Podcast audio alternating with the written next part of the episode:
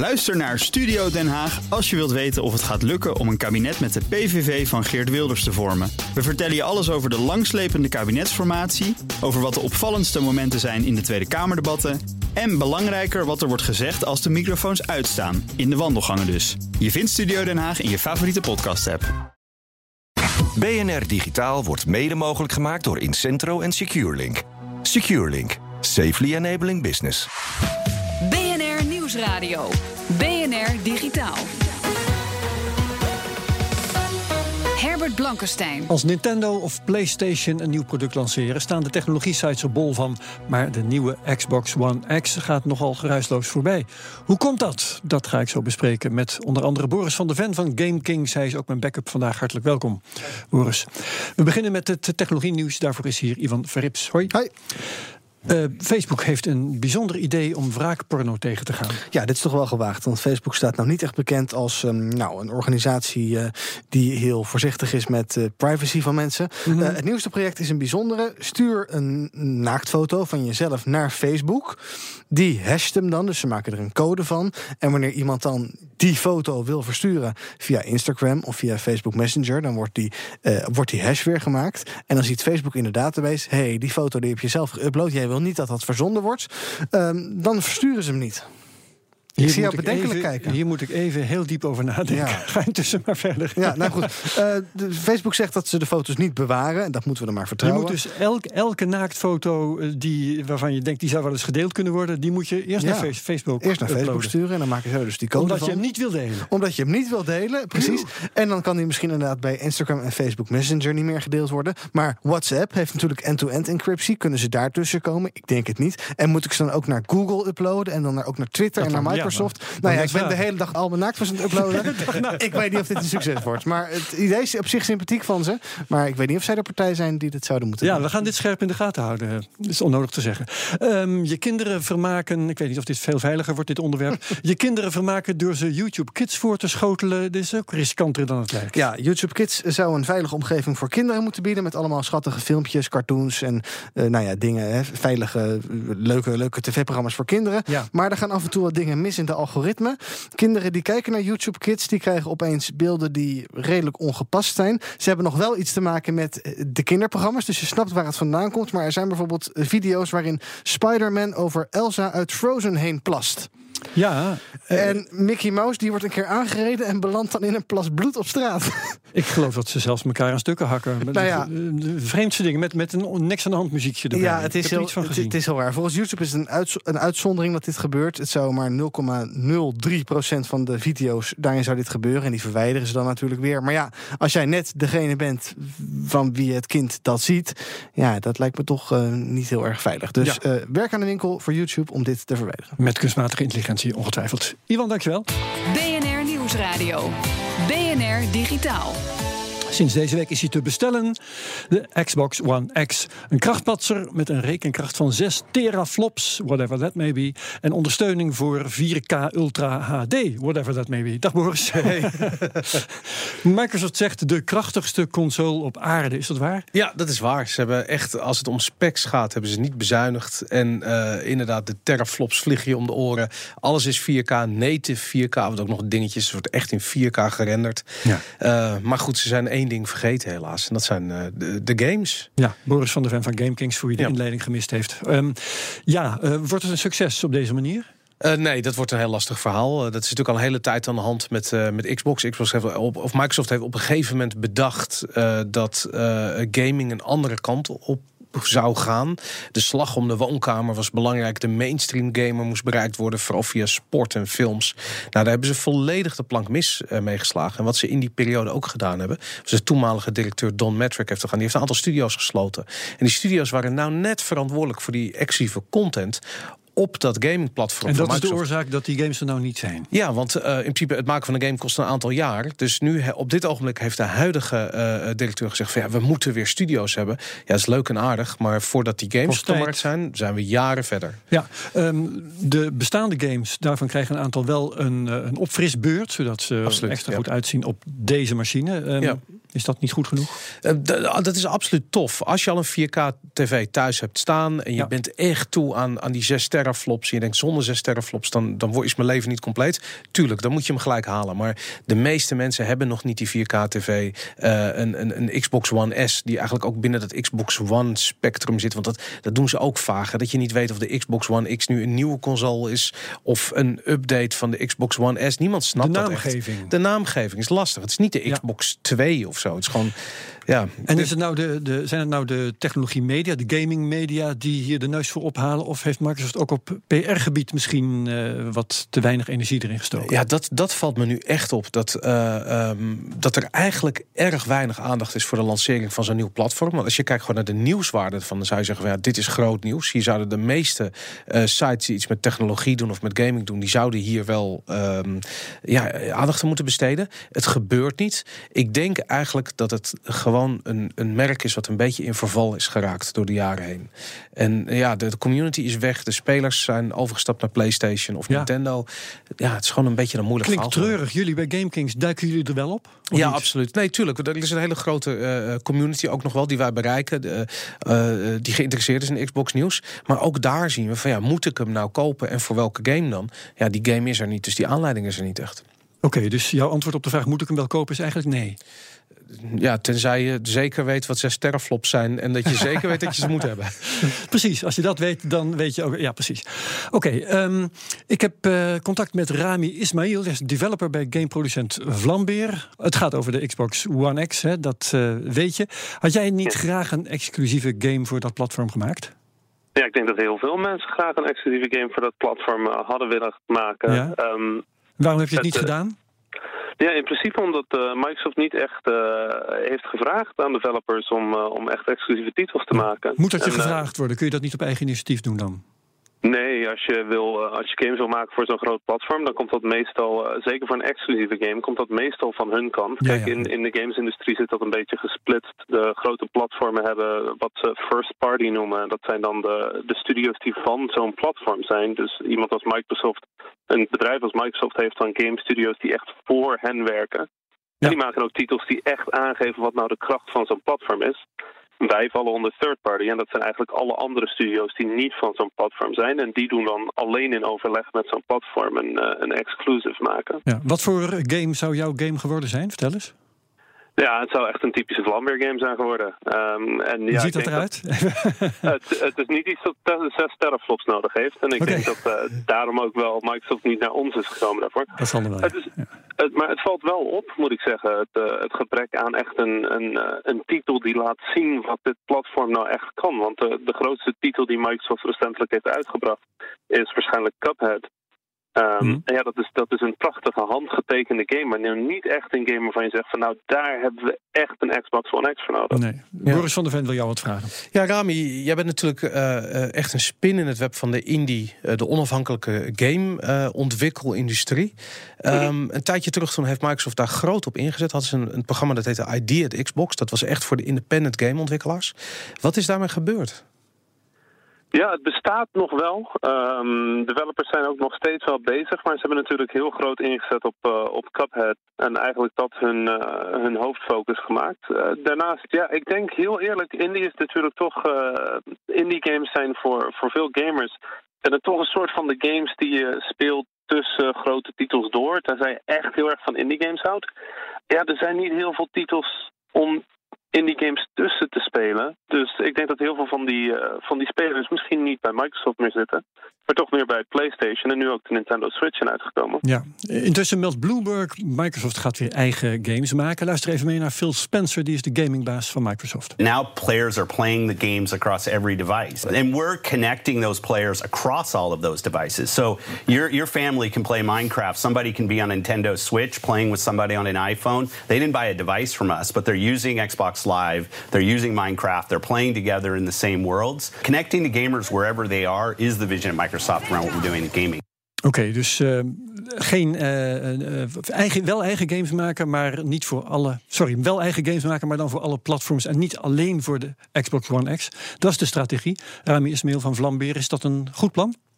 Ja, het is nu een beetje wat ze wel moeten doen. Kijk, als je kijkt naar PlayStation, die kunnen gewoon zeggen van wij hebben op het ogenblik de meeste gamers, dus alle games zijn alleen voor ons en mensen komen daarom naar ons toe. Maar als Microsoft zich maar isoleren, dan kunnen ze niet meer bij die mensen. Dus de enige manier waarop zij dat grotere bereik niet kunnen halen, is zorgen dat mensen ook op andere apparaten die Microsoft games kunnen spelen. En heel eerlijk, eh, Microsoft is een van de weinige bedrijven ter wereld die echt de, de infrastructuur heeft om zoiets te doen. Ja. Dus ja, het, het, lijkt nu eigenlijk meer de enige keuze dan de beste keuze. Want anders ja, is het publiek toch ergens anders naartoe aan het gaan. Oké, dankjewel Rami Ismail van gameproducent Vlambeer. Boris, nog even een vraag aan jou. De Xbox One X kost ongeveer 500 euro. En iedereen zegt te duur. Ben je het daarmee eens? Uh, ja, wel als je kijkt dat er eigenlijk geen uh, speciale content is die ik alleen maar daarop kan spelen. Want voor 2,99 of zoiets heb je al een Xbox One S. Willekeurige getallen zijn essentieel voor de beveiliging van computers, maar willekeurige getallen maken, dat is lastiger dan je zou denken. Straks hoor je een creatieve oplossing. BNR Nieuwsradio. BNR Digitaal. Computers zijn gemaakt om logische patronen te volgen. Willekeurige getallen maken is dan ook best lastig, omdat ook die willekeurigheid geprogrammeerd moet worden. Toch zijn die getallen essentieel voor computer- en internetbeveiliging. Internet allesweter Tom Scott ging langs bij een creatieve oplossing voor dit probleem en redacteur Ivan Verrips zag zijn verslag. Dit is het geluid van gloeiend hete, bubbelende lava. Je kent de filmpjes wel. En dit is het geluid van een lavalamp. Je weet wel, van eind vorige eeuw. Iedere jongenskamer had er eentje. Ja, precies, die maken geen geluid. En dit is het geluid van 100 lavalampen.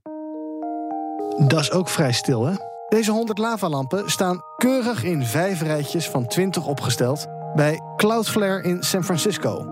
Een bedrijf in internetbeveiliging. These folks deal with a lot of encrypted internet traffic, so they need a lot of random numbers.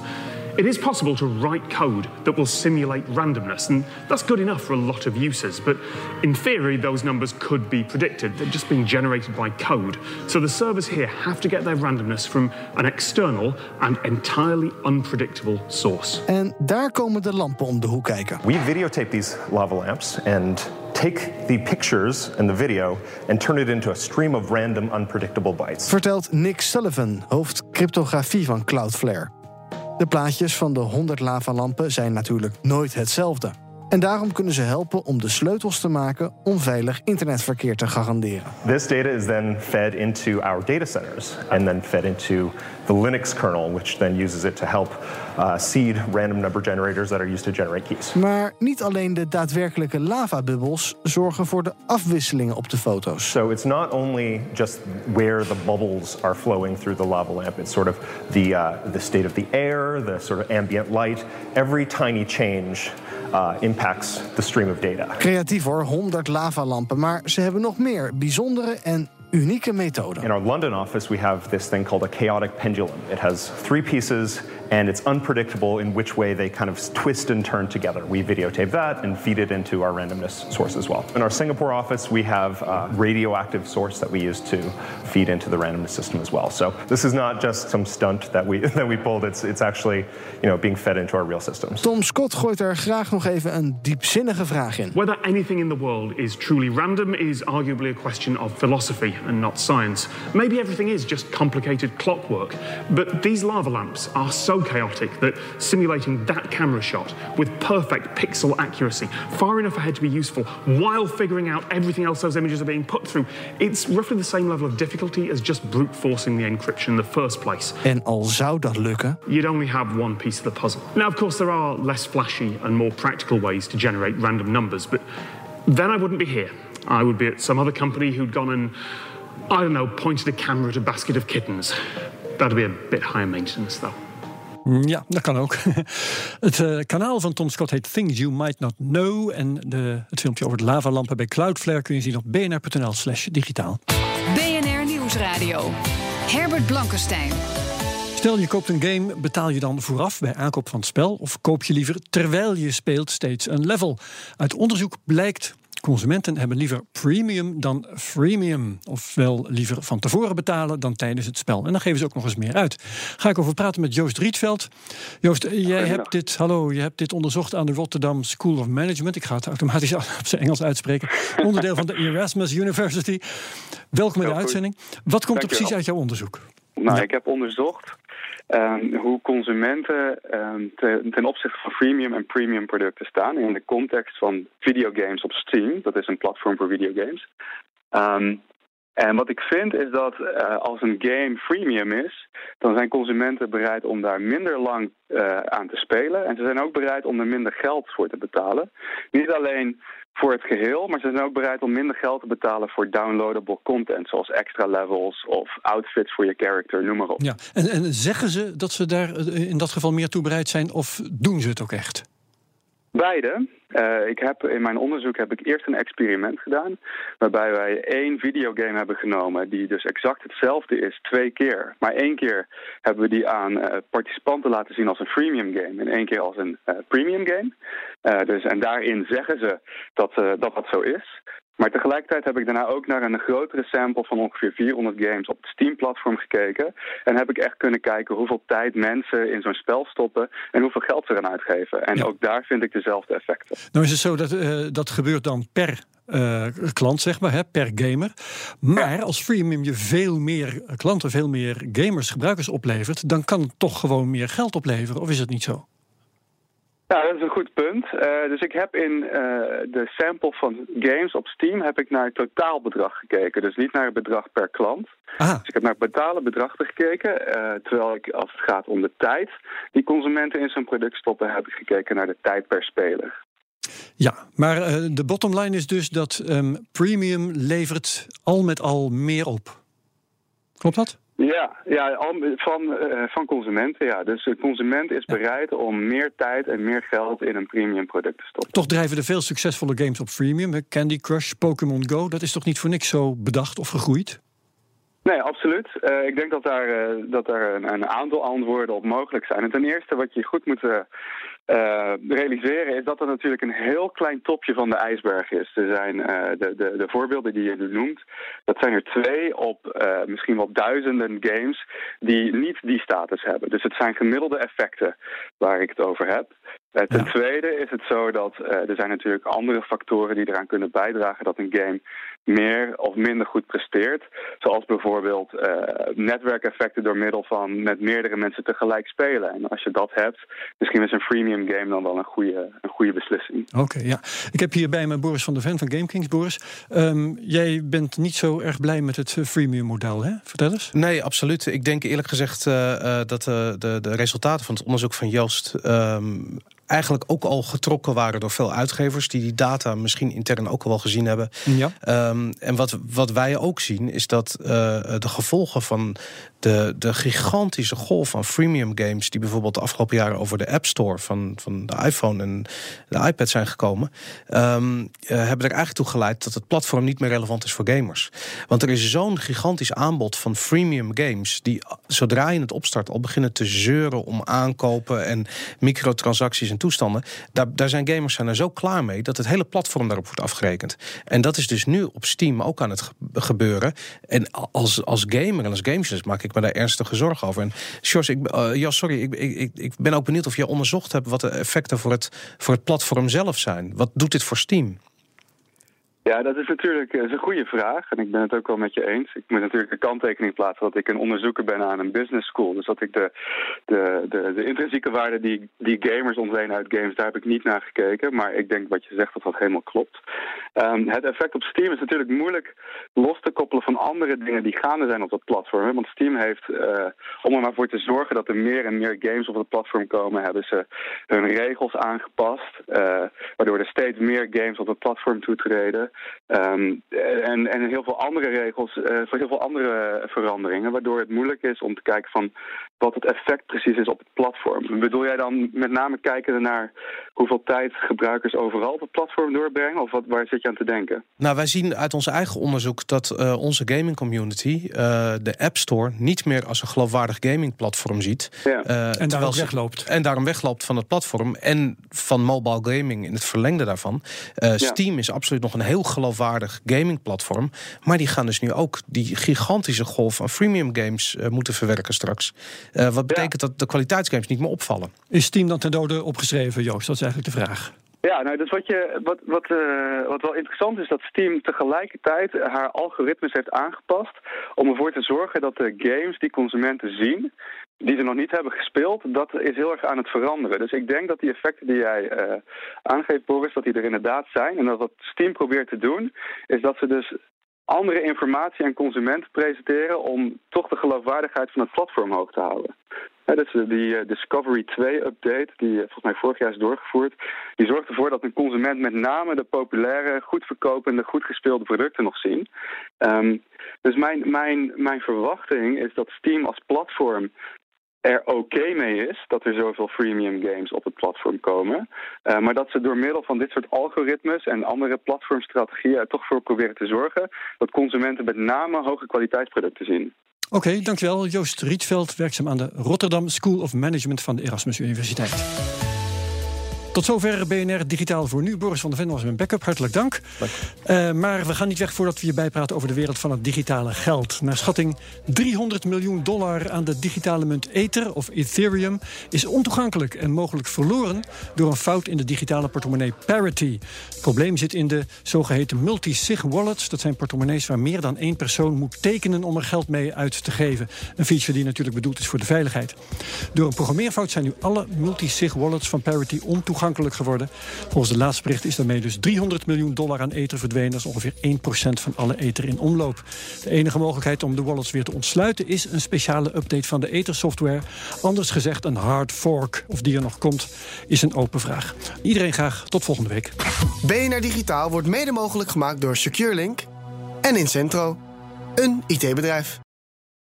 Ook Hugo Reitsma vind je in de BNR-app. Superhandig die BNR-app. Je kunt alle programma's live luisteren, breaking nieuwsmeldingen. Je blijft op de hoogte van het laatste zakelijke nieuws. En je vindt er alle BNR-podcasts, waaronder natuurlijk de belangrijkste, Boeken zijn in de wijk. Download nu de gratis BNR-app en blijf scherp.